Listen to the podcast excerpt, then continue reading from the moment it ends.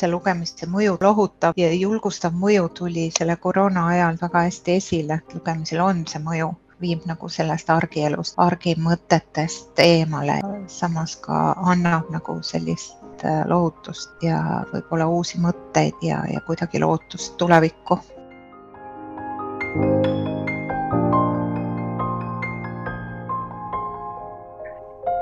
Tervitused Tallinnast, minu nimi on Ragnar Sternfeld ja te kuulate saatesarja Globaalsed eestlased, kus meie eesmärgiks on luua mälupilt tajast silmapaistvast Eesti inimesest üle maailma üksteiselt õppida ning tuua meid teineteisele lähemale. on kuues jaanuar aastal kaks tuhat kakskümmend kolm ning mul on hea meel tutvustada meie tänast saatekülalist, kelleks on Soome Kirjanike Liidu esinaine Ilmi äh, Villacis või Villacis. Äh, ja Ilmi on kuuekümne üheksandal aastal äh, Tartus sündinud ning kaheksakümne kolmandast aastast Soomes elanud eestlane. see tähendab, tänavu suvel täitub tal Soomes nelikümmend aastat ta on pika kogemusega kultuurivaldkonna juht nii kirjanduse, hariduse kui kunsti vallas, kes on töötanud nii Soome kui Eesti välisministeeriumite heaks, erinevate avalike kui kolmanda sektorite organisatsioonide heaks, sealhulgas Soome Lugemiskeskuse juhatajana ning Soome Kultuuri- ja Teadusinstituutide Koostööliidu juhatajana.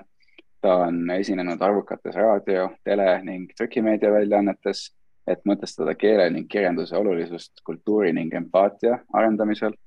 ja kahe tuhande üheksateistkümnendal aastal oli, oli ta Finlandia kirjandusauhinna ilukirjanduse kategooria eelžürii juhataja.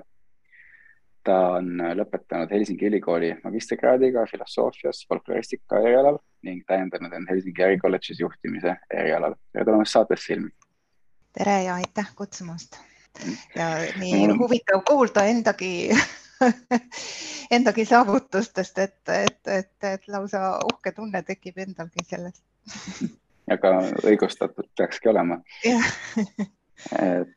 minul on ka samamoodi väga hea meel, et, et sa võtsid äh, aja tulla ja, ja mul on väga hea meel, et, et meil õnnestus äh, Soome eestlaste seast leida sellise väga huvitava profiiliga inimene, et, et äh, mis ühendab nagu soomlasi, eestlasi, eriti on, on meie soome-ugri pärimus ja, ja ma arvan, et see on igati väga, väga asjakohane äh, saade siia meie sarja. Äh, aga, aga lähemegi sinuga täitsa algusse tagasi, et, et äh, oled Tartust pärit. Ähm, et räägi palun, millises keskkonnas sa kasvasid, kes või mis sind mõjutasid, milline oli lapsepõlve Tartu? Ausalt öeldes ajast Tartus ma nii väga palju ei mäleta, sellepärast et me kolisime Tallinnasse juba, kui ma olin vist viie või kuueaastane, ma käisin lasteaias isegi Tallinnas juba, nii et, et Tartust ma väga palju ei mäleta, aga, aga noh, nii palju ikka, et, et, et sai palju maal oldud Tartu lähedal Vorbusel vanavanemate juures ja,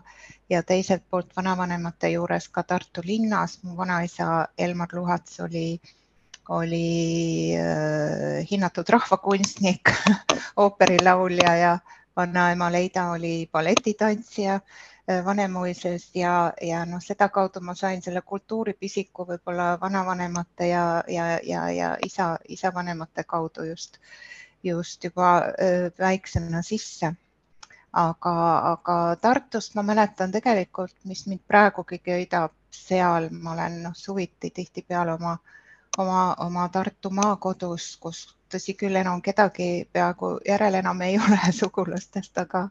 aga ka need lõhnad ja maitsed ja kõik see, kõik see mm, atmosfäär, mis nagu lapsepõlvest, varasest lapsepõlvest mulle on jäänud, et see, see on nagu väga-väga tähtis mulle ikka veel. ja, ja, ja, ja, ja ma arvan, et just see lapsepõlv seal Tartus Tartus toob sellise turvatunde, mille peale siis ehitada oma, oma, oma ka praegust elu. Mis, mis eh, sind ootas, kui sa Tallinnasse jõudsid? kuidas see Tallinna elu erines Tartu elust? nojah, siis oli muidugi Nõukogude aeg, sügav Nõukogude aeg ja, ja kolisime äh,, mäletan lastekodu tänavale Tallinnasse puumajja ja, ja, ja väiksesse korterisse. isa, isa alustas karjääri seal äh, Estonia teatris ja, ja oma muusiku, muusikutööd seal Tallinnas ja siis elasime seal väikses korteris puumajas kus erilisi mugavusi ka polnud, et, et mul on tegelikult jäänud sellest Tallinna algusaegadest üsna niisugune pime pilt. Et mäletan, et sõpradega käisime kollamas vanalinnas, kus oli tol ajal noh, kõik oli lagunenud ja katustel ronisime ja, ja noh, päris niisugune, niisugune omalaadne hoopis teistsugune Tallinn nagu praegu praegu ja, ja, ja siis äh, oli muidugi väga uhke asi, kui saime Õismäele öö, korteri. Äh, ja, ja, ja siis äh, kõige mugavustega nii-öelda, kõige mugavustega ja tarakannidega koos. Et, et, et aga, aga noh, selle, selle, see elu muidugi oli juba juba, juba ma arvan, et noh, minuvanused inimesed muidugi oskavad kõik seda jagada, et, et mis see elu siis oli nendes äh, äärelinnades, mis ehitati Nõukogude ajal, et, et, et kuidas me seal äh, oma noh, ka eestlust säilitasime, sest seal oli, oli ju, oli ju ka venelasi palju ja, ja, ja, ja siis äh, oma seda kooli, mis oli suhteliselt niisugune militaristlik tol ajal. mäletan, kui pidime, kui distsipliini eesmärkidel pidime sada kükki tegema alati tunni alguses et selliseid asju, selliseid asju ikka tuleb meelde, mis praegusel ajal muidugi ka Soomes kindlasti äratavad üsna palju nagu, nagu imestust, et, et, et selline, selline kooliaeg ja selline lapsepõlv, aga ausalt öeldes ega ma midagi ei kahetse, sest see on midagi niisugust väga-väga ekstra äh, originaalset mida, mida noh, enam keegi kogeda ei saa, et selles mõttes, et, et et, et ja, ja kindlasti on see kujundanud ka minu, minu isikut tulevikus mm, -hmm. aga noh, selline see elu oli tol ajal ja, ja, ja ausalt öeldes noh, ega siis inimene ju kohaneb kõigega ja, ja tegelikult ega ma ei pea oma lapsepõlve kuidagi kehvemaks kui, kui teised sellest hoolimata, et, et, et eks me ikka ka ju, ju, ju, ju nautisime sellest, mis me kätte saime ja mis meil oli, mhm. et ja, ja siis kolmeteistaastasena äh, ameti jõudsid äh, sa Soome äh,. ma ei tea, kas läksid otse Kuopiosse või mitte, aga räägi sellest Soome, kuidas sa jõudsid kolmeteistaastasena Soome äh,? jah, no tol ajal ema ja isa olid lahku läinud ja ema oli leidnud uue kaaslase abiellus, tol ajal äh, soomlased käisid Eestis tööl, ehitamas Viru hotelli ja, ja, ja igasuguseid koostööprojekte juba kaheksakümnendate alguses alustati koos Soomega ja sedakaudu ema tutvus siis oma tulevase abikaasaga. Ja kuna ta oli ka giidina, ta oli logopeed, aga, aga, aga käis giidina Soome gruppe Tallinna, Tallinnaga tutvustamas ja siis tema tulevase abikaasaga koos, siis läksime Soome, tõsi küll, pidime ootama aasta aega, enne kui anti luba, luba nii Soome kui, kui ka Nõukogude Liidu poolt välja kolida Nõukogude omal ajal, Nõukogude ajal Eestist ja, ja, ja siis, kui me lõpuks Soome saime, oligi jah, see oli juunikuu ja ma täpselt tegelikult just olin nädal aega tagasi neljateistaastaseks saanud ja, ja, ja siis olime paar päeva Helsingis ja sealt edasi sõitsime Kuopiosse, mis on siis umbes nelisada, üle neljasaja kilomeetri Helsingist ja ja see oli üsna, sellest ma mäletan küll üsna palju sellest hetkest või nendest päevadest, sest see oli ka mu elu pöördepunkt. et, et tähendab koos äh, emaga meil oli kaks kohvrit kaasas, äh, kolisime Soome, teine neist oli pooleldi raamatuid täis, sest äh, noh, omal ajal ka see oli, see oli nagu mingil määral niisugune varandus, intellektuaalne varandus, mis, millega, millega siis, mida endaga kaasas kanda, et, et, et midagi muud meil ju eriti ei olnud. et, et et, et siis, kui läksime esimestel päevadel, käisime Soomes riidepoes, et endale mingid normaalsed nagu nii-öelda läänelikud riided selga saada ja, ja, ja, ja siis sõitsime läbi, läbi Soome, mis muidugi oli imeline oma järvede ja mägedega ja kõikide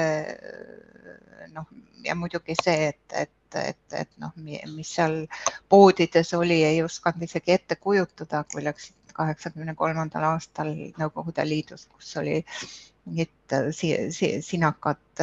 kanakoivad võib-olla letis tol ajal ja, ja järjekord mitu tundi, et saada saada ühte, ühte kilo mandariine ostetud, et, et selles mõttes nagu see oli imeline maailm muidugi, aga, aga noh, sellega seotud oli muidugi ka palju, palju emotsioone, sest noh, vanaema, kallis vanaema jäi Eestisse ja mõtlesin, et kas ma enam kunagi teda näen ja ja, ja saabumine Kuopiosse oli muidugi mõnes mõttes ikka kultuurishokk. Ja, ja, ja äh, selle, see noh, nagu ikkagi kolmeteist, neljateist aastaselt Äh, see on nagu selline väga õrn vanus, ikkagi puberteet ja kõik ja, ja, ja täiesti võõrasse keskkonda ja minul endal nagu, kuna ma ei olnud eriti Soome televisiooni vaadanud, siis ma ei osanud soome keelt absoluutselt. ma teadsin ainult mõningaid sõnu, et et, et noh, muidugi see, et ka täiesti uude keelekeskkonda, emal ei olnud muidugi oma uue pere kõrvalt ka väga palju aega mulle ja kedagi teist eestlast ju tol ajal Soomes oli vist noh, välja arvatud need, kes äh, juba enne sõda Soomes, need, need suguvõsad olid siis äh, uusi, nii-öelda uusi eestlasi oli võib-olla käputäis just nagu abielu kaudu Soome mhm. tulnud mm -hmm. eestlasi, et et, et ei olnud ju kellegagi aega eesti keelt rääkida, et, et noh, siis ei jäänud muud üle, kui kiiresti see soome keel ära õppida. aga noh, muidugi alguses Kuopios, kuna seal oli ju Soomes tol ajal see poliitika, et, et eriti nagu ei, Eesti iseseisvusest ei räägitud, vaid ka ajalooraamatutes oli Eesti osa Nõukogude Liidust, siis ka, ka minuealised ja nooremad soomlased ei teadnud isegi Eesti olemasolust, nii et, et mind äh, kutsuti ikka venelaseks ja, ja, ja ma olin nagu rüssa nii-öelda. Ja, ja, ja päris niisugune imelik olevus. Tol ajal eh, välismaalasi eriti, eriti Kuopios ei olnud, et, et noh, et see sisseelamine võttis muidugi aega alguses, aga kui ma keele ära õppisin ja hakkasin nagu kohanema seal, eh, siis, eh, siis polnud hullu midagi, ma olin isegi mingil määral, tundsin uhkust oma eksootilise eksootilise päritolu tõttu, et, et, et, et et, et sisseelamine läks hästi lõppude lõpuks. see on tegelikult päris hea näide, see, see, et soomlased ei teadnud Eestist midagi, noh, ma usun, et, et Helsingis vast võib-olla natuke rohkem kui Koopias, aga siiski, et mm -hmm. nii, niivõrd ähm, lähestikku asuvad sugulasrahvad, et ähm, et, et see on selle assimilatsiooni nagu hea näide, et, et noh, sel ajal, kui sa läksid, eks ole, juba nelikümmend aastat, pea noh, nelikümmend aastat äh, pea teisest maailmasõjast läbi saanud mm. ja, ja kui kiiresti ikkagi see assimilatsioon nagu äh, toimus. et, äh, et täna me räägime sellest, kuidas noh, milline on Eesti positsioon maailmas ja kas meid teatakse kuskil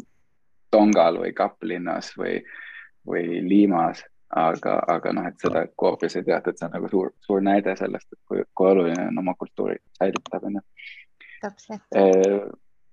et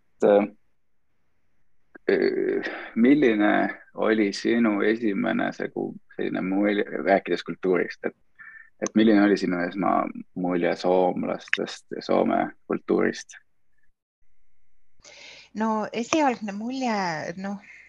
ega ma ei jõudnud palju,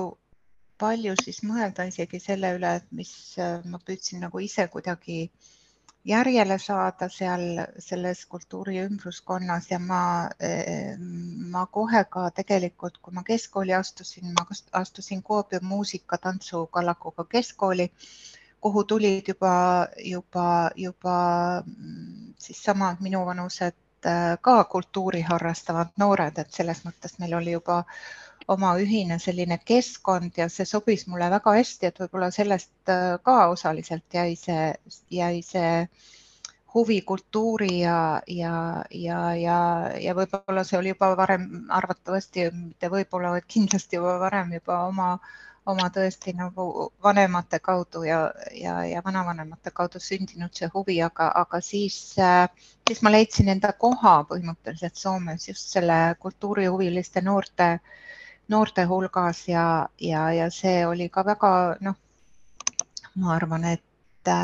et, et, et see mõjutas väga palju mu tulevikku üleüldse. et ja ma nägin ka sel, selle kaudu muidugi Soomet võib-olla natuke erinevamalt selles mõttes, et ma nägin seda selle nende inimeste kaudu, kes, kes olid huvitatud kirjandusest ja kultuurist ja, ja, ja, ja, ja kunstist ja tantsust ja muusikast ja kõigest, et, et tegelikult noh, seda nii-öelda tavaliste soomlaste elu ma nii, nii, nii palju siis ei, ei, ei, ei jälginud, et, et, et ma leidsin, leidsin kiiresti oma koha. et äh, seda ma ei oska isegi öelda muidu, aga noh, Soome koolisüsteemi võib-olla juba siis, siis mind natuke pani imestama, sest kui Eestis, äh, Eestis loeti juba tol ajal ka maailmaklassikuid ja noh, loomulikult ka igast propagandat ja kõike muud, aga ka Eesti klassikud ja väga palju loeti kirjandust äh, juba enne, kui ma Soome tulin, oli, olin ma väga palju lugenud võrreldes sellega, mis äh, minu klassikaaslased näiteks olid. Ja, ja siiamaani Soomes nagu kohustuslikku kirjandust eriti,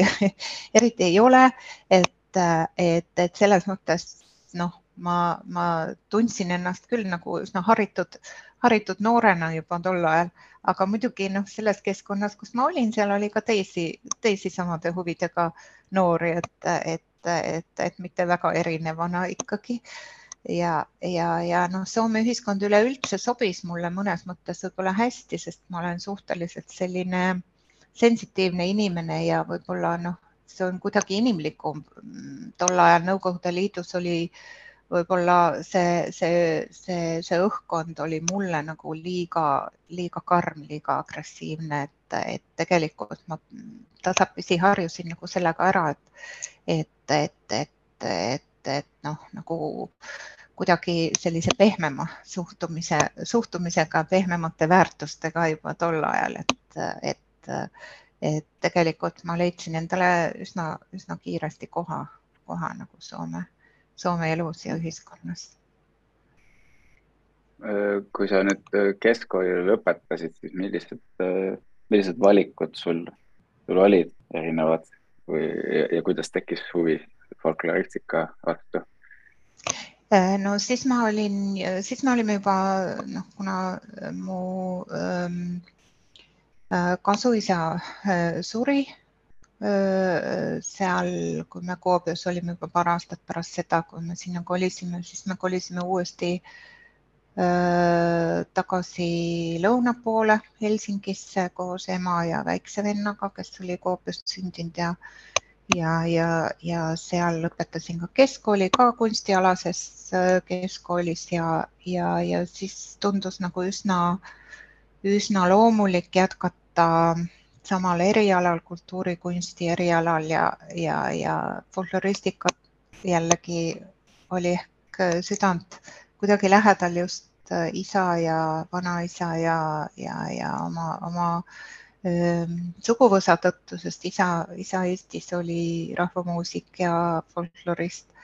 olnud ja, ja, ja ma olin kogu kogu oma nooruse tegelikult noh, igasuguste rahvamuusika ja, ja rahvatantsu ja igasuguste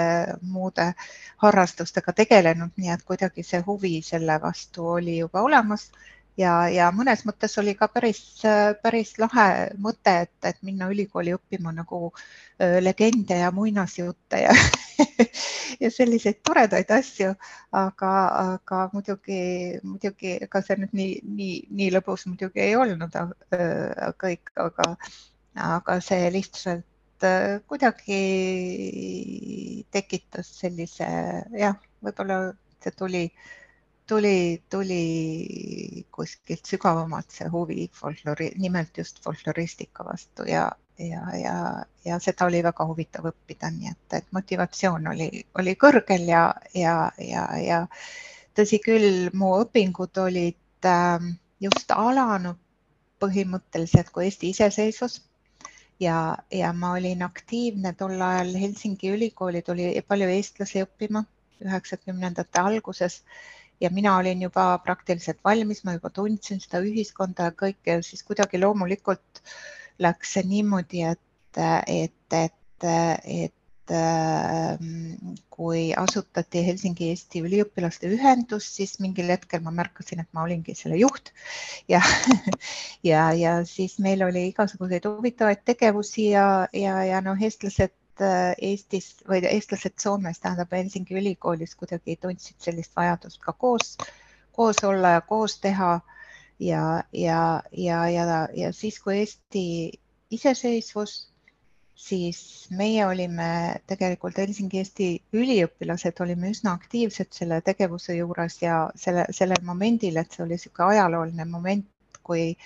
tõesti, kui Lennart Meri tuli, tuli Douglas Seltsi ja kui see kõik nagu algas, siis, siis ma sain olla seda tunnistamas ja ma olin tegelikult esimene inimene, kui Helsingis siis avati konsulaat, et viisasid hakata soomlastele välja andma, siis minu ülesanne oli koristada need ruumid, kus seda konsulaati siis järgmisel päeval hakati avama, et noh, et selles mõttes ma olen, ma olen olnud tõesti ajalooliste momentide juures, et, et et, et tegelikult minu mälestused Helsingi ülikoolis õppimise kohta ongi rohkem seotud selle Eestiga tegevusega nagu Eesti, Eesti see, selle üliõpilastega ja, ja, ja siis ka e, selle konsulaadi ja saatkonna avamisega Helsingis. ja ma olin seal siis äh, ülikooli kõrvalt tööl ka seal nii-öelda viisatehases, sest alguses ju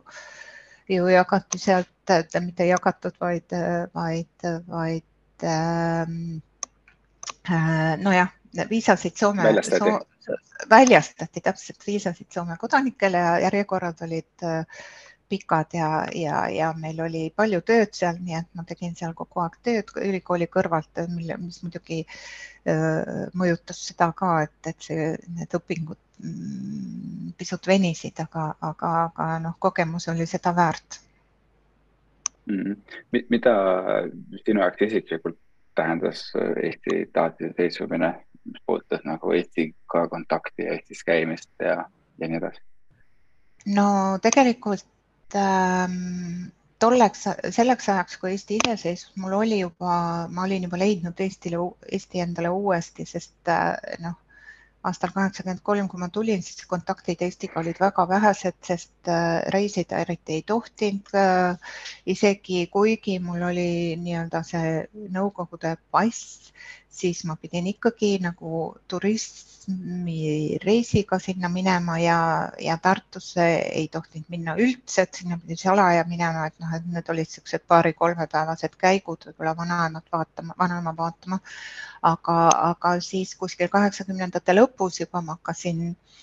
hakkasin tihedamalt Eestis käima ja, ja, ja, ja leidsin endale sõpru sealt uuesti ja leidsin nagu Eesti endale uuesti ja, ja, ja siis, kui Eesti lõpuks iseseisvus, mul oli juba omad võrgustikud seal olemas, nii et, et, et noh, ütleme, et, et, et see iseseisvumine oli ka mulle selline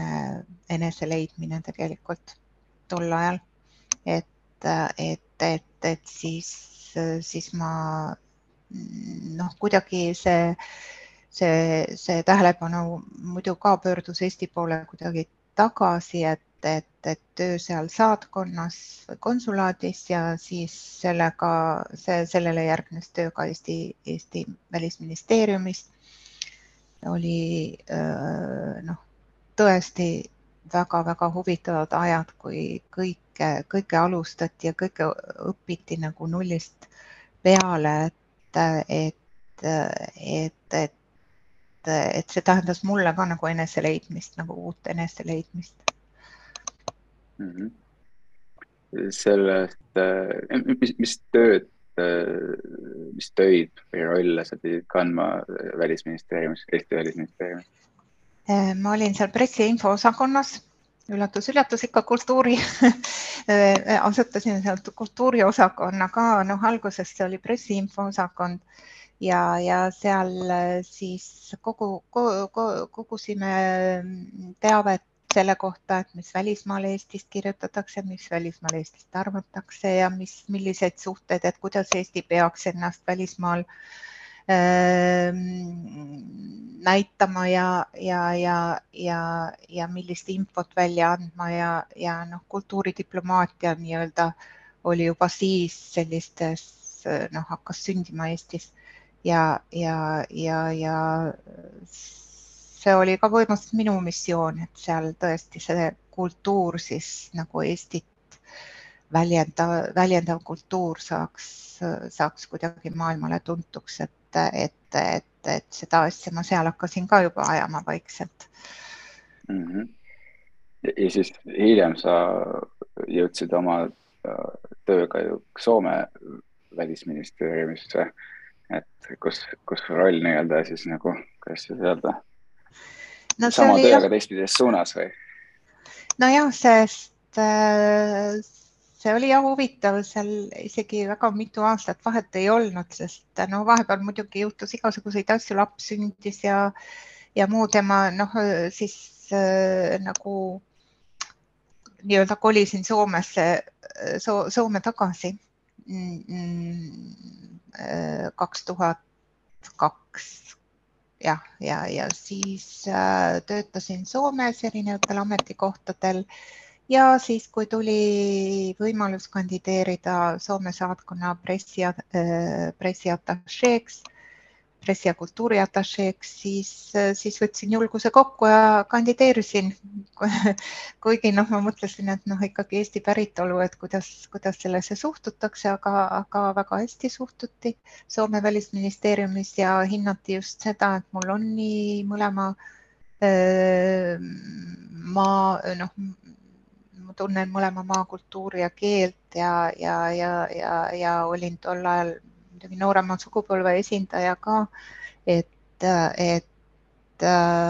siis mind palgati sinna kultuuriatašeeks Soome saatkonda ja, ja, ja mõnes mõttes see oli muidugi, see oli äärmiselt huvitav aeg, aga ka mulle mõnes mõttes natukene niisugune identiteedikriis olla noh, oma sünnimaal esindamas nagu teist riiki, aga mõnes mõttes Soome ja Eesti on ikkagi minu silmis kuidagi nii lähedased, et, et ma isegi ei, ei, ei noh, enam vaadates ülejäänud maailma, siis ikkagi nii sarnased, et tegelikult, tegelikult nagu, nagu võib väga hästi kuidagi mingis sümbioosis neid kahte, kahte identiteeti pidada, et, et, et, et harjusin ära kuna ma noh, palju sinu, sinu selle tee kohta ei, ei, ei tea, et siis ongi nagu, nagu lüngad, eks ole, et ütleme, et see, see teekond sealtsamast Soome välisministeeriumist kuni, ma ei tea, järgmine punkt minu jaoks on see Soome lugemiskeskus. et sinna vahele ilmselt jääb sul terve teekond, et võib-olla olekski hea, et kus sa saaksid jagada oma teekonda sealt, kogu selle nagu kirjandus, kirjanduse pisik või kultuuripisik, sul oli juba sees, nagu sa mainisid, see teekond välisministeeriumist lugemiskeskuseni ja tead, noh, kuidas see nagu ütleme, sinu jaoks professionaalselt kujunes? Mm, jah, see läks kuidagi loomulikult selles mõttes, et kui ma välisministeeriumist, noh, kuna see oli tähtajaline leping seal äh, Soome välisministeeriumis on need äh, ametnikud, kultuuri, kultuuriametnikud tähtajalised ja, ja, ja palgatakse väljaspoolt seda nagu karjääridiplomaati äh, noh, tähendab karjääri, siis, siis, siis ma tulin Soome tagasi pärast seda, kui ma olin viis aastat, peaaegu viis aastat seal olnud ja ja, ja just siis hakati Soomes arendama seda Ähm, kultuuri eksporti ja, ja see kuidagi tundus loomulik, et siis äh, Soome kultuuriministeeriumis, kui just äh, asutati selline osakond, kultuuri ekspordi osakond, et et ma siis äh, kandideerisin sinna ja, ja, ja kohe ka, kohe ka sinna sain, et eks mul on mingi, mingil määral nagu tähtede seis olnud ka mingi mingis heas nurgas alati, et, et, et see oli ka väga huvitav aeg Soome kultuuriministeeriumis siis tegeleda Soome kultuuri ekspordiga ja laialdaselt kultuuriga, aga noh, eks mind kirjandus on alati nagu eriliselt huvitatud, sest folkloristika ja ja, ja õppisin ka kirjandusteadust, et, et noh, et, et oma nii-öelda kultuuri eriala niimoodi, kui öelda, selline kodukultuuri erialade hulgas on ikkagi kirjandus olnud. et kõige tugevam, tugevam eriala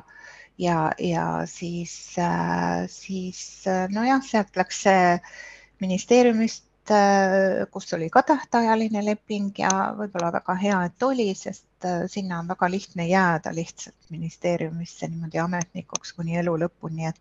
et mul oli tegelikult päris õnn, et, et mul leping lõppes ära ja ma pidin midagi uut vaatama ja, ja, ja kuna ma olin tegelenud juba siis seal äh, nende kultuuriteadusinstituutidega, Soomes on seitseteist kultuuriteadusinstituuti maailmas, siis oli niisugune väike organisatsioon, kes, mis koordineeris nende tegevust äh, Soomes ja, ja siis oli kuidagi loomulik, et läksin sinna ja, ja, ja, ja kõik see on muidugi väga niisugune äh, üldine kultuuritöö, et, et ei olnud mingit erilist niisugust eriala, aga, aga noh, ütleme kultuurilobi äh, pigem ja, ja, ja nende, nende äh, instituutide eest seismine, et see oli ka juba, juba, juba siis selline oskus, oskus oli päris kasulik, mis ka praeguses töös on muidugi, kui ma olen seal kirjanike, äh, kirjanike huvide eest seisva organisatsiooni juhatajana, aga, aga noh, pärast seda jah, siis äh, juhtumisi oli lugemiskeskus, mis oli tol ajal tegelikult üsna väike organisatsioon aastal viisteist, kui ma alustasin. ja, ja, ja tundus nagu väga huvitav, sest äh, tegemist oli kirjanduse, lugemise Mm, kõik selliste, kõikide selliste asjadega, mis mind alati olid nagu eriliselt huvitatud, huvitanud. Ja, ja, ja, ja ka see, et, et lugemiskeskus oli noh, on siiamaani ühel Helsingi kõige ilusamal kohal, seal Töölö lahe, Töölö lahe ääres sellises puust villas ja nagu väikses kuningriigis, kus on ka kirjanike töötoad ja, ja, ja imeilus selline ümbruskond. Eks mul muud üle ei jäänud siis, kui ma sinna, sinna, sinna kandideerisin ja sain, siis ma olin seal peaaegu kaheksa aastat ja selle aja jooksul muidugi organisatsioon arenes päris lõppude lõpuks päris niisuguseks äh, äh, noh, ühiskonnas isegi väga arvestevõetavaks organisatsiooniks ja, ja, ja ma ise arenesin ka sellega koos. et, et, et võib väga tänulik olla selle arengu eest ka, et, et sinna sain ja, ja, ja ka seal tegin muidugi ka Eestiga seotud asju, et, et, et, et noh, seal oli, vabadus oli suhteliselt suur ja, ja, ja, ja ja, ja, ja see missioon oli minu meelest väga tähtis see, et lugemise ja kirjanduse edendamine, eriti laste ja noorte hulgas mm. -hmm. et see on tõesti nagu selline väga noh, jällegi väl, väljas, välja, väljaspoolt vaadatuna, eks ole, selline hästi äh, selge ja lineaarne teekond, mida ta nagu nii-öelda edaspidi edades, kuna elades kunagi ei ole, aga aga, aga siis järgmine ongi see, kus sa täna oled, on Soome Kirjanike Liit et, et kuidas, et noh, ma ei tea, oskad sa kirjeldada või võrrelda, et noh, et kui, kui, et, et esiteks nagu see, see teekond sealt äh, lugemiskeskusest Kirjanike Liitu, et, et mis, mis nagu Kirjanike Liidu eesmärgid ja, ja sinu töö täna noh, välja näeb, et kuidas ta, kuidas ta täna välja näeb? no mõnes mõttes eesmärgid on natuke sarnased et noh, lugemiskeskuses ka ma leidsin, et ma olin saavutanud nagu kõik need eesmärgid, mis ma seal tahtsin saavutada. et, et lugemisest tuli tõesti nagu ühiskondlikult selgelt selline väga domineeriv teema ja, ja selle tähtsusest ja, ja kirjandusest ka, et noh, et, et Kirjanike Liidus, mis on noh, väga-väga-väga traditsiooniline ja selline ähm,, kuidas nüüd öelda, isegi konservatiivne liit, siis äh,, siis noh, mõnes mõttes nagu tekkis huvi ka selle vastu, et, et ka seda Kirjanike Liitu nagu edasi kuidagi viia äh, rohkem sellisele kaasaegsele tasemele, et, et, et, et noh, muidugi see, see, et, et Kirjanike Liidul on Soome ühiskonnas väga-väga selline prestiižikas äh, maine ja kõik ja muidugi see ka nagu, nagu meelitas mind mingil määral siia kandideerima, aga, aga ka see, et, et, et noh, kirjanike olukord või, või, või üleüldse nagu äh, see positsioon ühiskonnas tundub, et on nagu kahanemas, sest see on nagu siiski nagu Soome on ka Eesti ikkagi üles ehitatud sellele, sellele harid, haridusele ja, ja, ja kirjandusele ja omale see, kuidas see määratleb nagu oma identiteeti ja oma keel ja, ja selle keele, keele areng ja kõik see, et, et mis on minu meelest täpselt samamoodi Soomele tähtsad nagu Eestile tähtsad. et, et see nagu kutsus mind, et, et, et saaks nagu midagi sellele juurde anda. et, et Kirjanike Liidu liikmeks praegu Soomes on suhteliselt raske saada. Soomes on väga palju kirjanikke ja, ja ka siiski liit, liitu kuulub suurem osa kirjanikke ja, ja, ja, ja, ja nende kõikide nagu äh, eestkostmine ja eest seismine ja, ja samas siis ka kirjanduse eest seismine, et see on kuidagi niisugune, niisugune missioon, mis mind motiveerib. et, et, et et ja noh, samas ka, samas ka see eelmine töö lugemise edendamisega koos, siis, siis loodan, et, et kuidagi ka minu, minu roll siin oleks, oleks sedavõrd nagu mõjuv, et, et, et, et, et ka selles osas midagi muutuks. Soomes on äh, suhtumine lugemisse ja kirjandusse muutunud viimasel ajal selgelt nagu uurimuste, PISA uurimuse ja igasuguste muude ka uurimuste järgi Soomes äh, inimeste suhtumine äh, lugemisse on muutunud palju negatiivsemaks ja, ja noh, seda on näha ka just nendest PISA tulemustes ja ja seda ka on näha nagu suhtumises kirjandusse ja, ja, ja lugemisse üle, üleüldse, et, et, et, et noh, ma leian, et see on, see on nagu tähtis tähtis tuleviku suhtes, meie olemasolu suhtes nii, nii, nii Soomes kui Eestis, et, et, et me suudaksime hinnata oma, oma kirjandust ja, ja, ja, ja jätkata seda traditsiooni, mis, mis, mis kirjandus ja lugemine on meile nagu andnud, noh nagu identiteedi ja, ja üleüldse nagu selle rahva säilimise, säilimise mõttes, et kas äh, Soome Kirjanike Liidul on mingi kokkupuude ka Eesti Kirjanike Liiduga? Ähm, äh, no põhimõtteliselt küll ja sellepärast, et noh, niimoodi otsest koostööd äh, momendil ei ole, aga, aga näiteks Soome Kirjanike Liidu uus äh, nii-öelda kunstiline juht, ma ütlen, et meil on kahepäine organisatsioon on nagu tegev, tegevjuhtimine nagu mina ja, ja siis on kirjanikest koosnev juhtkond ja juhtkonna esimees elab alaliselt Eestis. nii et ja on ka Eesti Kirjanike Liidu liige nii et selles mõttes äh, Ville Hütönen on, on, esindab ka Eesti, Eesti Kirjanike Liitu Soomes, et tegelikult on meil üsna, üsna hästi, et nüüd ongi nagu Soome Kirjanike Liit on üsna niisugune äh, Eestisse kalduv nii-öelda. Et, et, et ja kindlasti tulevikus äh, teeme rohkem koostööd ka sellel põhjal ja oleme käinud seal juba, juba külaski Eesti Kirjanike Liidus ja Tiit Aleksejeviga vestelnud ja, ja, ja loodan, et, et koostöö jätkub, jah mm. -hmm. aga räägimegi siis äh, lugemisest ja lugemusest ja, ja lugemise olulisusest ja, ja kõigest sellest, et, et alus, alustaksin võib-olla jah soom, soomlaste lugemusest, et, et sa äh, juba, juba tegid otsa lahti natukene, et, et, et milline, milline on täna soomlaste lugemus, kuidas sa seda kirjeldad? no kui alustada nüüd sellest samast äh, PISA uurimusest, kus eestlased on juba Soomest äh, mööda minemas või mööda läinud tegelikult, äh, no eriti lugemuse osas, siis, äh, siis see tekitab palju muret muidugi Soomes, sest on harjutud olema nagu esirinnas esimesena ja, ja nüüd tundub, et, et areng nagu hakkab taanduma.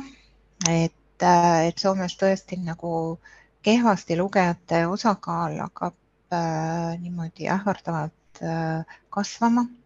Samas kui hästi lugevaid on ikka sama palju, aga, aga ka poiste ja tüdrukute vaheline erinevus lugemisoskuse osas on, on, on Euroopa suurim. Ja, ja, ja noh, see muidugi tekitab ka küsimusi ja muret, noh ise isiklikult ma muidugi sellepärast väga muret ei tunne, sellepärast et, et kui täiskasvanute lugemust uurida, siis tegelikult see hakkab juba, see vahe, vahe kahaneb peaaegu olematuks, et, et, et, et see on arvatavasti seotud ikkagi nagu erineva arenguga ja erineva, erineva ka suhtumisena, sest, sest poistele eriti tähtis on see oma äh, sõprade mõju ja, ja, ja, ja teatavasti noh, alati kamp, sõbra, poiste sõprade kampades lugemine ei ole see kõige populaarsem tegevus. et, et noh, eks see kõik mõjub, aga, aga samas noh, ma nagu sellepärast eriti ei muretseks, aga see on küll nagu tekitab muret, et, et, et, et vabal ajal lugemine on praktiliselt Soomest nagu juba väga-väga-väga ähm, harv, et eriti noorte hulgas vaba ajal lugemist harrastavad rohkem tüdrukud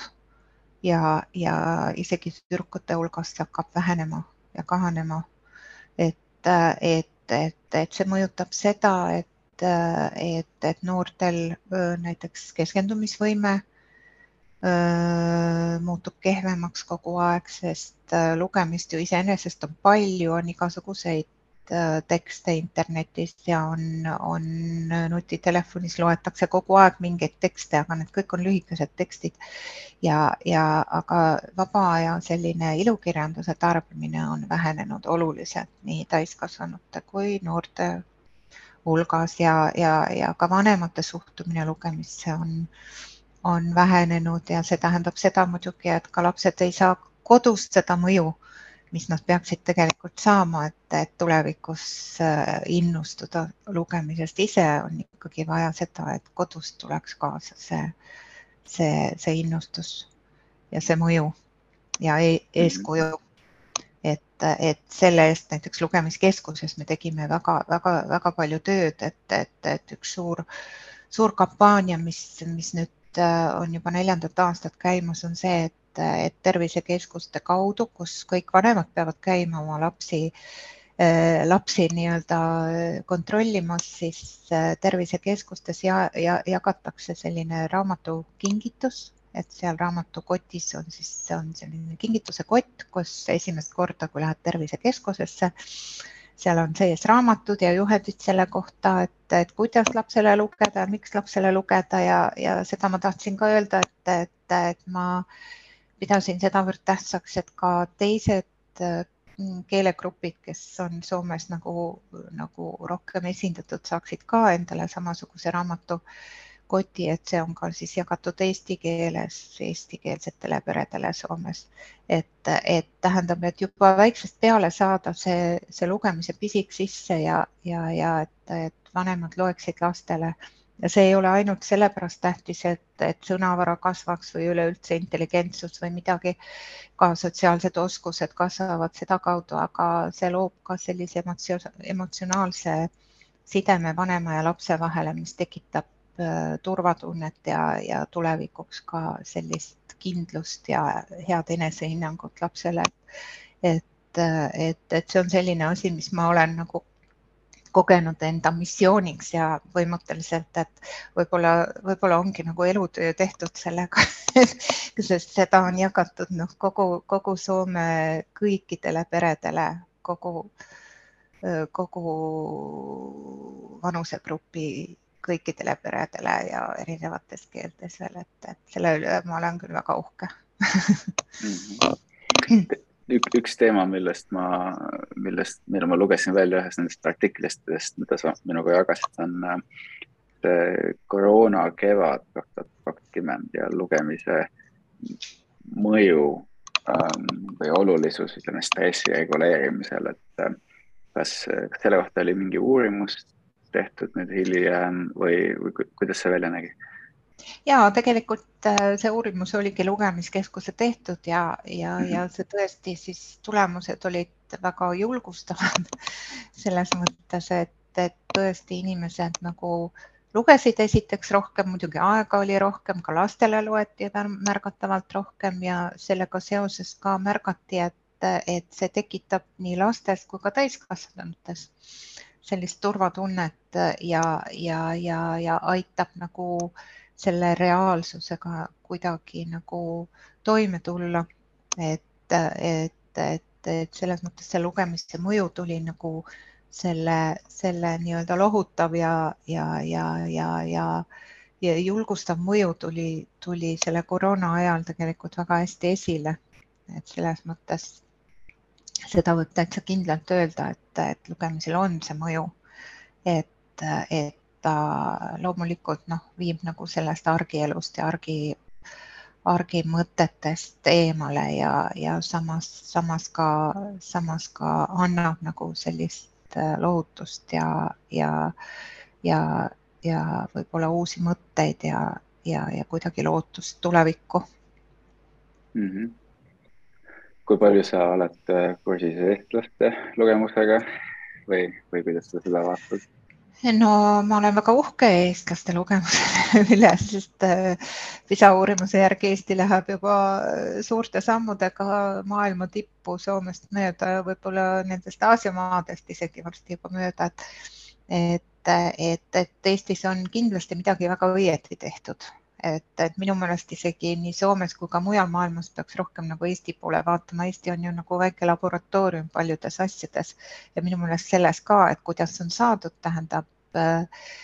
see tase, et, et siiski ma mäletan, kui oli Eestis äh, kunagi üle kahekümne aasta tagasi, siis kui need PISA uurimused hakkasid, äh, kui Soome ka esimest korda osales PISA-s oli Eestis jällegi kahtlusi selle kohta, et kas ikka julgeme üldse osaleda, et mis siis, kui on näha, et, et, et meie tase ei olegi nagu võrdne maailmaga ja noh, nagu olid niisugused kahtlused. ja siis, kui Eesti läks sinna kaasa, siis tuligi välja, et Eesti oli nagu juba algusest peale täitsa noh, tipposkaja ja, ja, ja, ja see, see on nagu jätkunud siiamaani. et selles mõttes äh, ma arvan, et et üks põhjus on ka see, et Eestis on see mingil määral see suhtumine lugemisse ja haridusse ja üleüldse nagu oskustesse kuidagi tugevam, et see on nagu kuidagi sisse kodeeritud, et isegi, isegi peredes, kus võib-olla see haridus, haridust nii palju ei ole, siis ikkagi on raamaturiiulid ja on olnud noh, lugemine on kuulunud kuidagi sellesse argiellu hoopis kuidagi teisiti kui või tugevamalt. et, et see on kuidagi sisse, sisse kodeeritud eestlastele, ma arvan, ja seda peaks nagu hoidma. see on, see on suur, suur, suur äh, selline varandus siis ma, ma ei tea, kui palju sa oled ise mõelnud selle peale, et lugemise kui tegevuse nii-öelda kvaliteet, et kuigi ma näen, et meil loetakse palju Eestis, eh, siis äh, sa juba korraks mainisid sellist tähelepanuvõimet, et siis süvenenud analüütilist lugemist, nii nagu kirjeldab Mortimer Adler oma ühes raamatus, kuidas lugema, lugeda raamatut, mis muutis minu elu täielikult, siis seda ma näen küll üsna, üha vähem ja see, ei ole ainult Eesti mm. teema, see on üleilmne probleem. ehk siis noh, keele arenguks on suurem lugemus oluline, kuid, kuid samas süvenematu lugene, lugemine pole, pole eriti kasulik näiteks ekspertiisi tekkel, et tekib nagu pinnapealsus. ma ei tea, kas sa oled selle peale ise ka mõelnud või? ja muidugi noh, seda on isegi noh, selle lugemise, lugemisega tegele te,, te, tegeledes muidugi ka tutvunud nagu ajuuuringutega ja, ja see on mhm. selgelt muutnud ka inimeste ajutegevust. see lühiajaline selline tähelepanuvõime keskendumine, et, et, et, et see nõuab äh, märgatavalt rohkem pingutust muidugi keskenduda pikaks ajaks näiteks lugemisse või mingisse teksti või, või üleüldse mingisse tegevusse, aga, aga noh, lugemine on sellest hea näide lihtsalt, et sa tõesti, sul on vaja nagu keskenduda ja see keskendumisvõime ja, ja need äh, häire, häiretegijad, mis seal kõrval on, et, et need on nii, need on nii palju ja, ja, ja, ja kõik nõuab nii palju tähelepanu ja muidugi see, et on ka nii palju kütkestavaid muid, muid tegevusi, kui, kui süvenemine lugemisse, mis on noh, iseenesest omal ajal võib-olla kui, kui midagi muud sellist vastavat ei olnud, et siis see oli niisugune suur elamus, kui sa lõpuks noh no, või tähendab sinna selle raamatumaailma nagu sisse, sisse äh, elasid ja, ja, ja, ja said selle, selle mingil määral need need impulsid sellest, aga, aga, aga nüüd neid tuleb neid impulsse igalt poolt ja need tulevad nii kiiresti ja, ja, ja, ja mingit noh, vajadust selle järgi, et, et, et palju pingutada selle nimel ei ole enam. Et, et eks see kõik mõjutab muidugi ajutegevust üleüldse, et, et, et noh, seda nüüd ka õnneks üha rohkem hakatakse uurima, et kuidas see tegelikult mõjutab, et kas see tõesti noh, kas me üleüldse nagu oma mõtlemist meie mõttemehhanismid kuidagi muutuvad ka, muutuvad ka seda, sellega seoses, et, et, et, et seda süvenenud tegevust, tegevust on üha vähem. just. siis, siis teine teema, mille kohta ma tahtsin küsida, oli seesama Finlandia kirjandusauhind, et sa olid seal üheksateistkümnendal aastal siis ilukirjanduse kategooria Ailshari juht ja, ja ma lugesin, et sa lugesid poole aastaga sada viiskümmend raamatut ma ei tea, kuidas see sul õnnestus, aga, aga, aga mida ma tahtsin küsida selles kontekstis, ma eeldan, et noh, seal oli ju noh, žüriis, ma ei tea, palju seal inimesi olid, lugesite nagu päris palju kokku. et kuidas see praegune olukord lugemusega mõjutab nagu kirjanikke, et kuidas kirjanikud, autorid sellesse suhtuvad, kuidas, mis, mis, mismoodi see mõjutab nende väljundit või tööd? sellest on kindlasti sul päris palju juttu olnud autoritega. ja see ja loomulikult äh, mõjutab ja, ja noh, eriti noortekirjanduses on, püütakse üha rohkem nagu saada kuidagi noori huvituma aktuaalsetel teemadel ja mingite Eh, ka mm, teiste noh, eh, väljundite kaudu näiteks noh, mängu või, või, või, või noh, elektroonika abil et saada noori lugema, et, et noh, kõik see mõjutab muidugi seda kirjanduse kogu olemust, aga noh, kui, kui võtta täiskasvanute kirjandust, siis üks, üks asi, mis Soomes üha rohkem hakkab mõjutama seda, on see, et, et Soome on maailma eesrinnas nagu audioraamatute kasutamisel. et Soomesse on tõusnud see varsti juba, juba, juba eh, tavaliste paberraamatutega võrdseks, võib-olla isegi rohkem populaarsemaks kui, kui trükitud raamatud, et, et, et see mõjutab kindlasti ka seda, et kuidas kirjutatakse ja see tegelikult tekitab ka muret kirjanike hulgas, sest, sest see äh, traditsiooniline kirjandus, trükikirjandus, noh, see, see hakkab nagu, äh, peab hakkama kuidagi kohanema sellega, et, et inimesed kulutavad kirjandust meelsamini nagu kuulates kui lugedes. et, et, et see, see on, see on juba praegu niisugune väga aktuaalne teema Soomes aga, aga see, et, et loetakse vähem, muidugi on ka palju lühi, lühemaid raamatuid, on ka palju nii-öelda selges keeles kirjutatud raamatuid, et palju tõlgitakse tavalisi raamatuid, see nii-öelda, ma ei tea, kuidas see siis eesti keeles, kas see on ka noh, selge keel, noh, tähendab niisugune lihtsustatud keel, lihtne keel. et, et, et aru saada, millest kirjutatakse, et, et kõik äh, ma arvan, et neid inimesi, kes suudavad lugeda nagu väga-väga-väga niisugust äh, äh, nii-öelda kõrgel tasemel kirjutatud teksti, nende hulk hakkab ikka vähenema kindlasti või noh, on juba vähenenud, et, et, et, et neid raamatuid, äh, väga ambitsioonikaid raamatuid on ikka raske juba müüa. et, et, et et see raamatumüügi, müügi äh, statistikas on ka muidugi juba, juba tunda, et, et raamatute müügi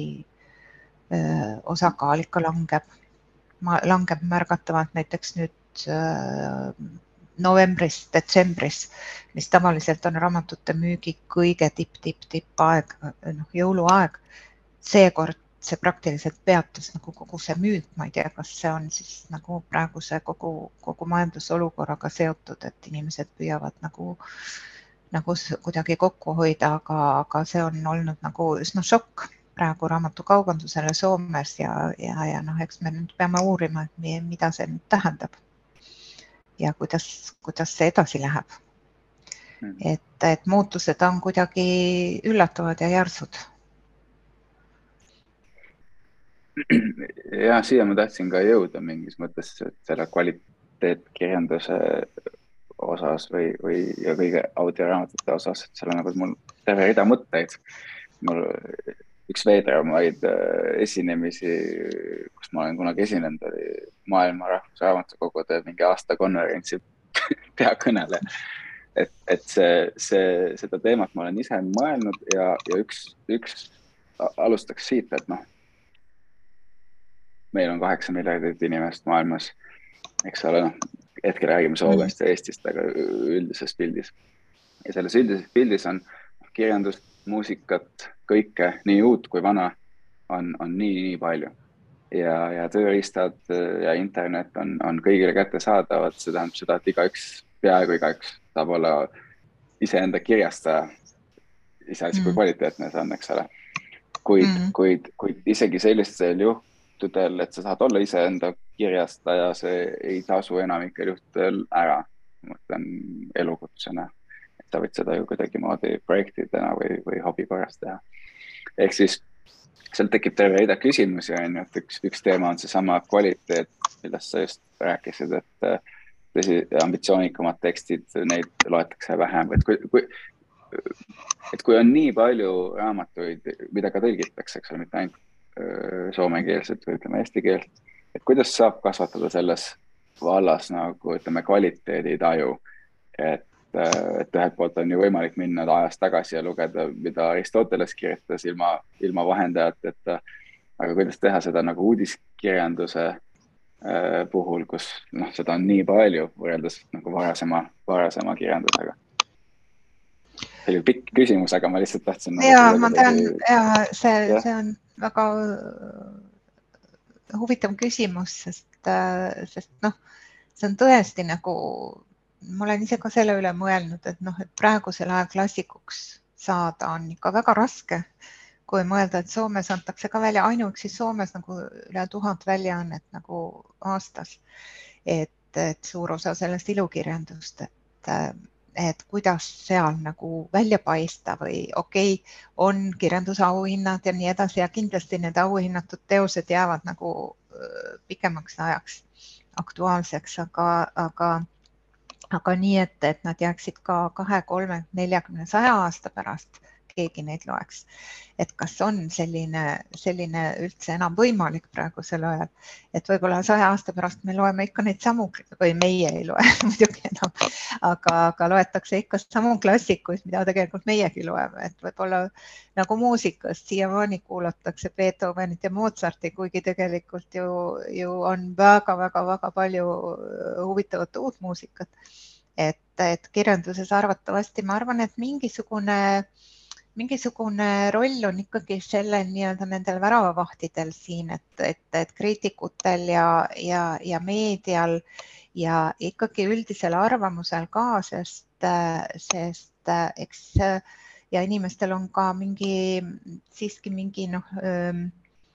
oma, oma arusaam sellest, et et, mis on hea kirjandus ja mis, mis nagu enda, enda noh, kuidagi kõnetab, et, et, et, et ikka päris nagu mis tahes kirjutis ju ei,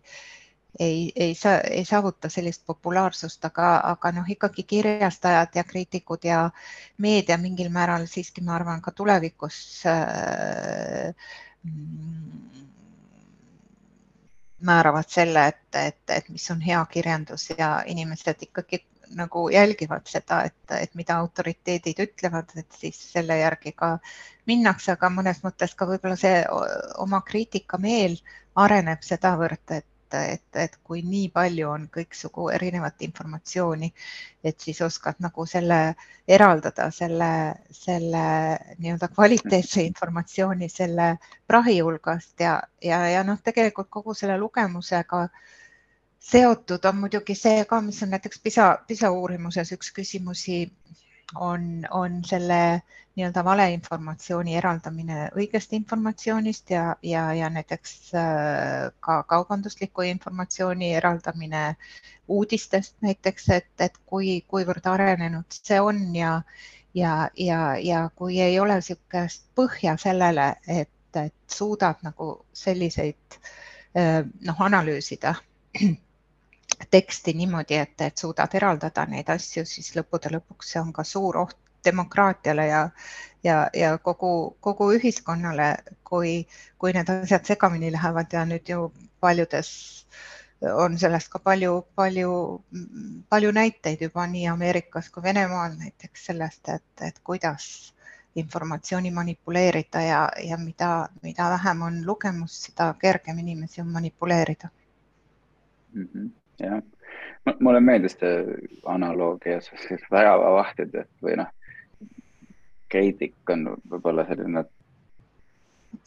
noh, vahet ei ole, vahet ei ole, aga nagu mõte sellest, et noh, ütleme ilukirjanduse puhul, et ütleme mitte ilukirjandus, kõik ütleme, ütleme sellised äh, käsiraamatud või, või äriraamatud või millest iganes, et noh, nendel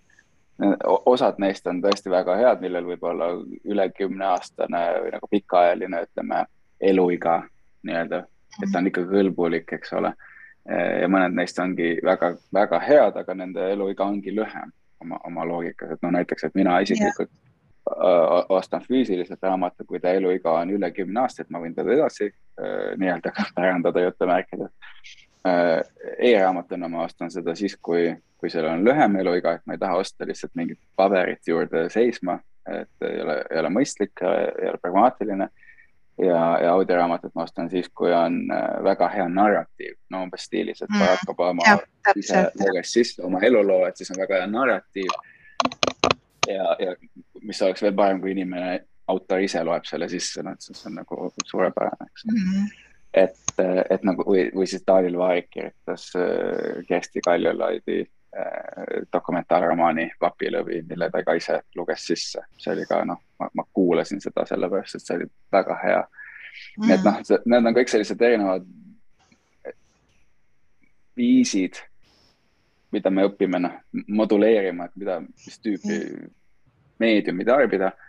ähm,. aga, aga noh, ütleme selle ilukirjanduse puhul tekib jälle see, et, et kuidas nagu hinnata, mis on hea ja mis ei ole hea ja siin ongi see, et, mina nagu tahakski teada, kuidas, kuidas seda nagu noh, et sa mainisid ennem, et noh, et leida relevantseid teemasid, noh, et, et umbes, et viimased kaks sellist huvitavat, mitte, mitte Eesti, eks ole, et üks on üks Jaapani äh, kirjanik äh, on Kazuo Ishiguro, ta kirjutas äh, Clara and the Sun ma isegi ei tea, kas see on eesti keeles, noh, see räägib tehisintellektist ja, ja inimese suhtest tehisintellektiga, aga see on, see on ilukirjandus, ole, väga relevantne teema ja väga hästi kirjutatud tõesti. kuigi ma lugesin seda inglise keeles, mitte jaapani keeles, ma, ei räägi jaapani keelt. et noh, jälle relevantne teema, mis puudutab paljusid ja inimesed loevad niimoodi kaanest kaaneni ühe hingetõmbega piltlikult öeldes ja siis, siis teine oli uh, Ocean Wong üks Vietnami ameeriklane uh,. On Earth were briefly gorgeous väga,, väga-väga hästi kirjutatud, jällegi need ma leidsin jällegi nii-öelda läbi väravavahtide, et ma ise ju ei jõua läbi kammida seda, sest see on nii palju keerulisem aga, aga väravahid olid väga-väga-väga olulised siin, et ma ei tea, kui head väravahid meil Soomes ja Eestis on, aga ma küll tunnen, et seda, seda oleks rohkem vaja. seda ja, ja, ja noh, seda selles mõttes nagu tegelikult seda kriitikat ja kirjandus, kirjanduskriitikat ja üleüldse nagu, nagu seda analüüsi oleks tegelikult ka ka meedias tahaks rohkem näha, et, et inimesed leiaksid ja, ja, ja ka kirjanikke ise võib-olla võiks rohkem näidata, et selles mõttes eh, see tekitab alati huvi, huvi nii selle ka kirjanduse vastu, kui sa näed kirjanikke rääkimas kuskil oma teosest või, või üleüldse nagu oma isikust. Aga noh, muidugi, kui, kui võrrelda neid erinevaid lugemisstiile ja kõike, et siis võib-olla enam nagu noh, või noh, ei saagi neid äh, võrrelda niivõrd, äh, vaid, vaid, vaid neid võiks võib-olla käsitleda hoopis nagu omade uute nagu äh, kategooriatena, just nagu audioraamat on täiesti nagu erinev, mingi niisugune ilming, mis on nagu kaasajale omane ja, ja samas on noh, igasugused digitaalsed võimalused ka tarbida äh, narratiive, eh, mitte ainult noh, filmid, aga noh, ütleme ka poolkuuldemängud või mis tahes noh, erinevad vormid, mis on sündinud nagu koos selle tehnoloogiaga, et, et, et neid mitte isegi võrrelda selle trüki, trüki, trükikirjandusega, et ma tahaks ikkagi eh, uskuda, et see, see füüsiline raamat ja trükikirjandus siiski oma, oma, omaette nagu ilminguna kuna ta on juba tuhandeid aastaid olnud, säilib ikka edasi, et, et, et, et, et miski nagu ei võistle teisega, mhm. vaid, vaid, vaid igaüks ikkagi leiab nagu selle oma, oma niši ja, ja inimesed leiavad nagu selle oma veetluse igast, igast erinevast,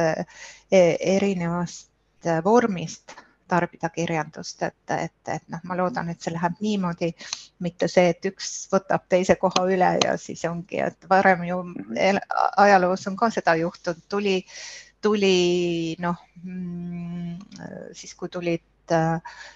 lindistused, tuli raadio, tuli televiisor, tuli noh, igasuguseid asju on alati peetud ohuna, aga tegelikult, kui, kui võtta, et, et, et, et tegelikult ikkagi on säilinud, säilinud, mingid asjad on ikkagi säilinud ja see trükikirjandus ja. on selline asi, mis on mm, -hmm. on säilinud, siis ju sellel on ikka inimesele selline väärtus, et ta ka tulevikus säilib, ma usun mm. -hmm. ja no trüki, trüki, trükisõna on, tal on nagu vaikne elegants, eks ole, ja sa saad seda väga ja. kiiresti tegelikult tarbida sõltuvalt lugemusest ja, ja sisust loomulikult, kui, aga ta ei vaja midagi enamat, on ju. et ja, ja, ja siis, siis sa saad ka koos see... neid asju teha no täpselt et, nii ja siis on. seda, et sa saad audioraamatut äh, kuulata ja. ja siis lugeda ka samal ajal, kui sa noh, eriti kui sa tahad omandada mingit uut materjali, siis see on kõige, kõige efektiivsem õppemeetod, eks ole, aga noh, ma läksin teemast kõrvale. no ja ei no teemast jah, et noh, sellest on lihtne, sellest võib lihtsalt lõputult rääkida, et see on niisugune mm -hmm. teema, millest nagu ei lõpe mm -hmm. kunagi otsa et, et, et noh, ma mõtlen ise füüsilist raamatut ka, et tegelikult noh, kuidas füüsiline raamat säilib ja kuidas äh, e-raamat säilib ja kuidas veel audioraamat säilib, siis sellega võrreldes kindlasti me leiame saja aasta pärast lihtsamini on le võimalus leida see trükitud raamat kui see audiovormis olev raamat mm. -hmm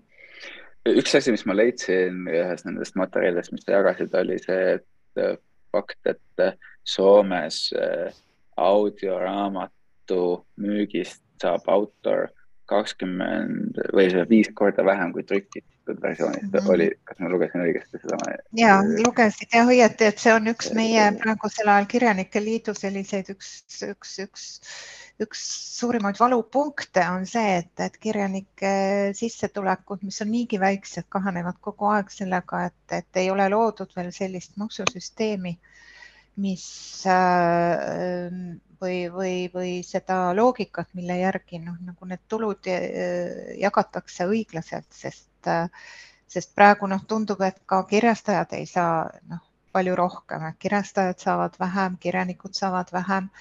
siis äh, kes siis lõppude lõpuks sellest selle kasumi saab ja kuidas seda kasumit siis jagatakse tulevikus, sest noh, niimoodi see ei saa ju minna, et, et, et, et kirjanikud jäävad praktiliselt ilma tuludeta oma töö eest, et, et siis äh, kuidas on võimalik üldse uut kirjandust, kirjandust äh, luua kui selle eest üldse nagu mingit tasu ei saa või noh, et see jääb nii väikseks, et, et, et ei ole võimalik selle asjaga lihtsalt tegeleda et, et see on niisugune probleem, mille noh, see on juhtunud juba muusikas praegu kõik Spotify'd ja need alused, mis on, mis on võtnud nagu põhimõtteliselt äh, selle oma, oma, oma noh, nagu mm, äh, kasutusse tegelikult selle sisu või, või mis, mis luuakse selle, selle, selle sisu täitmise jaoks ja sama asi on juhtumas nagu kirjandusega praegu, et, et, et, et mõnes mõttes äh, ma arvan, et ka,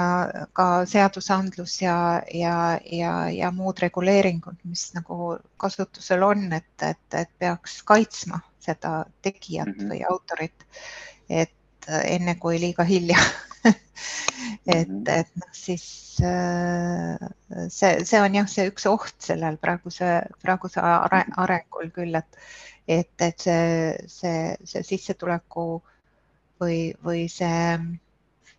see kasumi, kasumi mo, mo, või, või, või kuidas see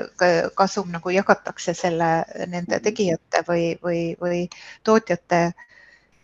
hulgas, et, et see on kuidagi väga ähmane praegusel momendil mm. -hmm. ja ma arvan, et see on väga hea paralleel, et noh, et kõikvõimalik noh, muusikud või kirjanikud, et nende nagu sissetulek ei peaks olenema sellest, millises ja. formaadis nende teos jõuab tarbijani, et kas see on nagu kirjanduse puhul paberiraamat või audioraamat mm.. et ja, ja, ja tarbijana samamoodi, kui mulle meeldib nii paber kui ka audio, et koos ma, ma ei saa osta täna mingi paketina neid asju, et, et ma pean eraldi ostma, aga noh, see selleks. Mm, et ähm, li, li, liigume edasi selle mm, korraks tahtsin veel puudutada seda anglitsismi pealetulekut äh,, inglise keele mõju äh, meie enda keeltele, et äh, estonglish ja finglish ja, ja mis iganes muus formaadis seda võib nimetada, et kuidas sa mm, seda vaatad ja, ja, ja kuidas, noh, soomlased on olnud nagu väga head oma keele, oma sõnade väljamõtlemisel meenuvad kohe sellised ülipikad liitsõnad, mis on ainult soome keeles ja soomlastele hääldatavad, et isegi, isegi soome keelt kõneleva eestlasena on see keeruline. aga, aga üldiselt selline suurem pilt, et, et kuidas sa vaatad seda anglitsismi pealetulekut ja omaenda keele arengut selles valguses? Äh, no mõnes mõttes see on muidugi hea asi see, et, et see rahvusvahelisus on ju ikka positiivne ja, ja et suud, suudetakse suhelda erinevates keeltes ja Soomes on nagu oldud siiski üsna suletud või noh, niimoodi arad suhtlemiseks.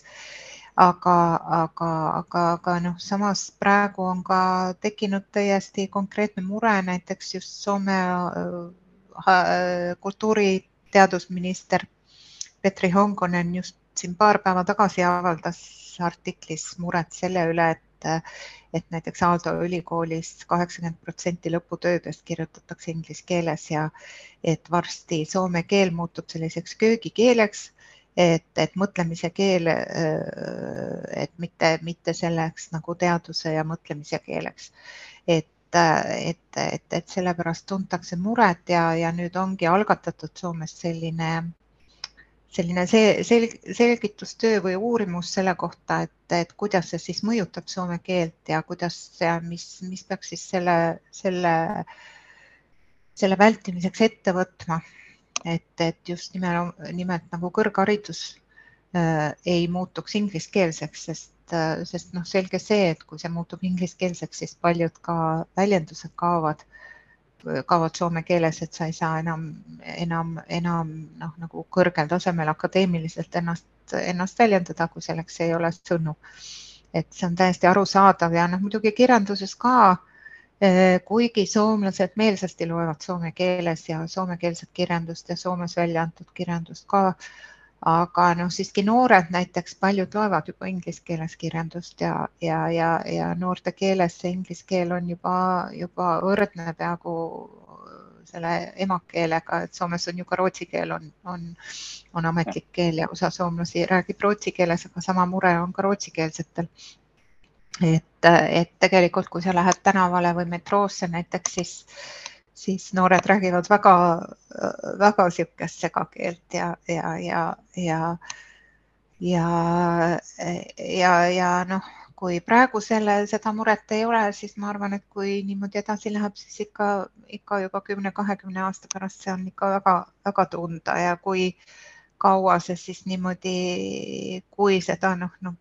nagu mingite meetmetega kuidagi ei reguleerita, et kaua see iseenesest siis niimoodi püsib, et, et, et, et, et eks mõnes mõttes ikka mure on, et ma olin ise eelmine aasta olin Argentiinas mingil aja, mingi aja ja, ja seal näiteks oli, oli täiesti noh, inimesed esiteks noh, isegi Soomes ei teatud, et mis keelt Soomes räägitakse. olid imestunud, et ahaa, et ei olegi vene keelt, et, et, et, et täitsa oma keel kohe, oma kirjandus ja puha, et et linnas, kus on Buenos Airesis viisteist miljonit inimest, siis mingi viie miljoni rahvast on, tundub, et, et noh, et, et mis mõte sellel on, seal on oma keel, rääkimata veel Eestist. et, et, et selles mõttes, et peab tõesti nagu tegelikult peab nagu selle eest pingutama ja, ja, ja noh, ma ise nagu ka tunnen muret äh, eestlaste üle siin Soomes, äh, sest, äh, sest noh, paljude Äh, paljudel ei ole näiteks huvi oma lapsele seda e-, eesti keelt vähemalt noh, mingil, mingil akadeemilisel tasemel edasi anda äh, ja, ja, ja, ja see on näiteks äh, näha selles, et Eesti kool, mis on siis Helsingis, et sinna on raske saada õpilasi mis on nagu e-, pooleldi eesti, pooleldi soome keeles, et noh, et mm. eestikeelsed õpetajad. sinna on tõesti raske saada õpilasi ja eestlastel ei ole nagu mingit haridustegevust Soomes, siukseid ringe, klubisid lastele.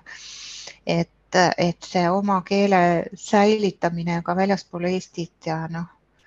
olgugi siis Soome, mis on nii lähedal ja võib-olla käiakse suvel, noh, arvatavasti käiakse sugulaste juures ja, ja, ja aga see keel ei, ei säili automaatselt ikkagi selle, selle eest peab palju vaeva nägema. et, et lastele ka see üle anda, see, see oma keel. et, et, et see on ka üks suur osa selle keele säilimisel, et, et, et seda ka väljaspool Eestit, Eestit säilitatakse mm. -hmm nüüd, kui me alustasime oma, oma vestlust, rääkisime Eesti, eestlastest Soomes aastal kaheksakümmend kolm, et siis räägiks nüüd siin lõpupoole eestlastest Soomes täna aastal kaks tuhat kakskümmend kolm, pea nelikümmend aastat peale sinu Soome minekut, et kuidas, kuidas sa täna seda Eesti kogukonda Soomes tajud? Nojah, siis kui mina omal ajal Soome tulin, siin oli käputäis Äh, nii-öelda uusi eestlasi. nüüd äh, siin on noh, mitukümmend tuhat uut eestlast ja, ja noh, muidugi sellega, sellega seoses on ka kujunenud oma, omad äh, ringkonnad ja omad huvigrupid ja, ja noh, ei saagi nagu niimoodi ühe mõõdupuu järgi muidugi kõiki Soomes elavaid eestlasi võtta, et siin on väga erinevaid, erinevaid Äh, eestlasi, erinevate huvidega eestlasi ja, ja, ja, ja erineva taustaga eestlasi. aga, aga ja paljudel on muidugi sidemed Eestiga väga tugevad ja, ja seetõttu ei peeta ka tähtsaks võib-olla Soomes Eesti kultuuri eraldi kuidagi arendada. Aga muidugi on ka siiski Eestist üha rohkem, mul on niisugune tunne vähemalt, et, et ka kultuuriüritusi siin Soomes korraldatakse. Ja, ja, ja siin on noh, siiski teatud grupp, gruppe, kes koos käivad, ise kuulun sellisesse Helsingi Eesti akadeemilisse klubisse, kus on teatud seltskond siis, kellel on oma ühised huvid ja, ja, ja teemad, millest rääkida, eesti keeles rääkida. Ja, ja siis on siin ka muid selliseid eestlasi kokku ko, ko, koos hoidvaid Mm, äh, organisatsioone, aga, aga siiski suhteliselt väga-väga-väga laisalt võrreldes paljude teistega, teiste sisserändajatega siin Soomes on eestlased omavahel läbi käivad. Äh, aga ma arvan, et võib-olla eestlased siin Soomes ka vajaksid võib-olla Eesti poolt pisut rohkem tuge sellele, et et oma keelt säilitada ja, ja tunda nagu identiteeti, seda Eesti eestlust nagu siin Soomes, et selle üle uhke olla ja, ja, ja, ja, ja seda, seda, seda Eesti asja nagu siin Soomes edasi viia, sest see nüüd tundub, et, et, et see olukord, et siin on palju eestlasi ja, ja, ja jääb siia palju eestlasi, et see, see tulevikus kindlasti ei muutu, et, et, et ma arvan, et need kogukonnad, kes siia on tulnud, et paljud nendest ka jäävad siia, et, et, et ma leian, et, et on ikkagi tähtis, et oma identiteet ja kultuur, olgugi et nii lähedane, kui see ka on Soomele, ikkagi säiliks siin ka tulevikus. kui alguses rääkisid sellest, et noh, et Kuopios pidi vastama küsimustele, et mis on see Eesti ja, ja nii edasi, et, et kuidas sa täna kirjeldad Eestit, kui, kui keegi küsib? no ma arvan, et noh so, soomlased äh, suhtuvad Eestisse ka paljud soomlased juba niimoodi, nagu mina arvan, et Eesti on selline edumeelne arenenud väike riik äh, nagu mõnes mõttes selline dünamo, mis, mis valgustab ka ümbruskonda, et ma tahaks, et Eesti oleks just selline, selline ja, ja, ja mõnes mõttes ka vaadatakse Eestit kui sellist julget, väikest julget nagu, nagu vaprat riiki ja, ja, ja minu meelest just sellisena ma näen ise ka Eestit, sest noh, vastu seista Venemaale, kõikidele raskustele, oma raskele minevikule, oma, oma kõikidele trotsides tähendab kõike seda, on siiski suudetud nagu seista maailmas esirinnas ja, ja suuri saavutusi teha, nagu te siin globaalsed eestlased kõik on kõigega on hakkama saanud, et, et, et see on ju ikkagi noh mm,, väga-väga unikaalne. et, et selline väike rahvas on olemas, et selles mõttes noh, ma leian, et, et, et, et, et iga eestlane võib uhke olla et, et me oleme ikka nii, nii noh, kuidas nüüd öelda, selles mõttes, et kuna meid on ikka nii vähe siis me oleme ikka väga unikaalsed olevused, ükskõik, kas me oleme Eestis või Soomes või ükskõik kus maailmas. ja siis äh, üks küsimus, mida me iga saatekülalise käest küsime, on selline natuke utoopiline. ja see ongi selle asja mõte, et, ähm, et kui sa saaksid ühe asja Eestis üleöö paremaks muuta niimoodi sõrmenipsuga, äh, siis, siis mis see oleks? Ühe asja Eestis paremaks muuta. ma tegelikult sooviksin, et, et, et eestlased saaksid kõik tunda seda, seda heaolu, millest tegelikult on ilma jäädud selle tõttu, et, et, et, et oli Nõukogude Liit ja oli, olid need ajad, et, et, et samasugust heaolu nagu näiteks Soomes inimestel on, et, et, et vanema, eriti vanemaid inimesi ähm, kuidagi hinnata sellega, et, et, et, et nad saaksid auväärselt oma, oma, oma elu Eestis elada, et, et, et et noh, ma tean ise, ise oma vanemaid sugulasi ja minu meelest nad oleks teeninud nagu nad teeniksid kuidagi selle parema vanaduse, kui nad praegu, praegu peavad elama, sest, sest nad on nii paljust ilma jäänud täiesti oma, ilma oma, oma süüta. Et, et, et selles mõttes nagu, nagu paremat tulevikku muidugi lastele ja, ja, ja, ja, ja ka, ka, ka paremat paremat eluolu meie vanavanematele ja, ja, ja, ja eestlastele, kes on edasi kandnud seda Eesti traditsiooni ja Eesti elu meile edasi andnud. ja siis äh, viimane Eesti küsimus on olnud see, et noh, viis aastat tagasi tähistas Eesti Vabariik sajandat aastapäeva et, et mis oleks sinu soov Eestile järgnevaks sajaks aastaks? no ma tahaksin, et Eesti oleks äh,, oleks edaspidigi see, see jõuallikas ja, ja, ja, ja, ja, ja väike ja, ja samas vapper. Ja et eesti keel säiliks, et eesti kirjandus säiliks ja, ja, ja eesti kultuur öö, oleks tuntud maailmas ja, ja, ja, ja et, et eestlased võiksid uhked olla enda üle ja see, et, et, et, et, et, et Eesti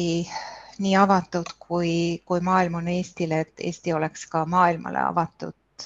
Äh, ilma, et oleks hirmu, et, et, et, et Eesti eestlus sellega ära kaoks. väga, väga ilus.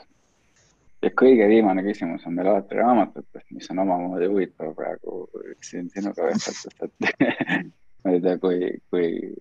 kui kerge või lihtne seda sul on vastata, aga, aga võib-olla isiklikust aspektist on, et et ähm, millised on mõned raamatud, mis on sinu mõtlemist mõjutanud või lihtsalt sind, sind, sind mõjutanud ja, ja mida sa soovitad saatekülajad, kuulajatel lugeda? no vot nüüd ongi niimoodi, et, et, et kui me siin rääkisime, et lõppude lõpuks need, need raamatud, mis on jäänud klassikuks, on ikkagi need, mis on nagu ammu juba kirjutatud, siis, siis tegelikult need raamatud, mis on ka minu minu elu või mulle kuidagi mõju avaldanud või, või mind mõjutanud, on ka ikkagi, ikkagi need klassikud ja minu meelest sellel hetkel inimestel, kuigi see on raske, on ikkagi põhjust äh, pilk tagasi pöörata ajalukku ja minevikku ja näiteks äh, Gulagi arhipelaag on niisugune raamat, mis on küll väga raske ja, ja, ja, ja eriti praegusel momendil, aga mis on ka väga tähtis, et, et näha, et et, tegelikult ajalugu kordab iseennast ja samas on ka äh, väga ajakohaseks tulnud selline raamat nagu Fahrenheit nelisada viiskümmend üks, mis räägib raamatute põletamisest, äh, tõsi küll Ameerikas, aga Bradbury raamat. Ja, ja, ja siis mind endale ka, mulle endale on suurt mõju avaldanud ka no Ukraina päritolu Bulgakovi raamat Meister ja Margarita, mis ikka, ikka nagu tuleb kuidagi noh, alateadvusest niimoodi kerkib jälle need teemasid üles. Ja noh, oma lapsepõlvest küll muidugi, kuna Eestis veetsin ja palju lugesin, siis äh, muidugi lapsepõlvest ka palju raamatuid, mis on, mis on elus siiamaani tähtsad, tähtsad olnud ja üks nendest on näiteks Karupoeg Puhh, mis oma filosoofiaga ikka veel mind kõnetab Mhm. et, et, et jah, võib-olla see, et, et, et, et äh, ikkagi äh, noh, muidugi Eestis ka ilmub praegu väga häid Eesti raamatuid, Soomes näiteks on täielik buum Valdur Mikita raamatute peale, et, et, et noh, et, et selline filosoofia on, kõnetab praegu rahvast väga. Ja, ja, ja, ja, ja, ja palju, palju uut muidugi ja head on ka, aga, aga, aga siiski noh, ma soovitan inimestel, inimestel need äh, klassikud, klassikud läbi lugeda, ka noortel aitäh, Ilmi, aitäh, et äh, võtsid aega tulla ja jagada oma, oma elu, mõttemaailma ja, ja, ja mõtteid ja lugemisest ja, ja maailmast, et ma arvan, et see on hästi väärtuslik ja, ja tekib küll selline tunne, et Soome ja Eesti on väga lähestikku teineteisele. nii et ma soovin sulle kõike äh, head ja paremat alanud aastaks ja aitäh, et tulid aitäh sulle ka ja kõikidele kuulajatele ka suurepärast aastat. loodetavasti see on mm. nüüd parem kui eelmine ja, ja kõike head ja. head kuulajad, kuulasite saatesarja Globaalsed eestlased ning meil oli külas Ilmi Village äh,. varasemate saadete kuulamiseks äh, äh külastage sarja veebilehte äh, globaalsed eestlased.org. Kuulmiseni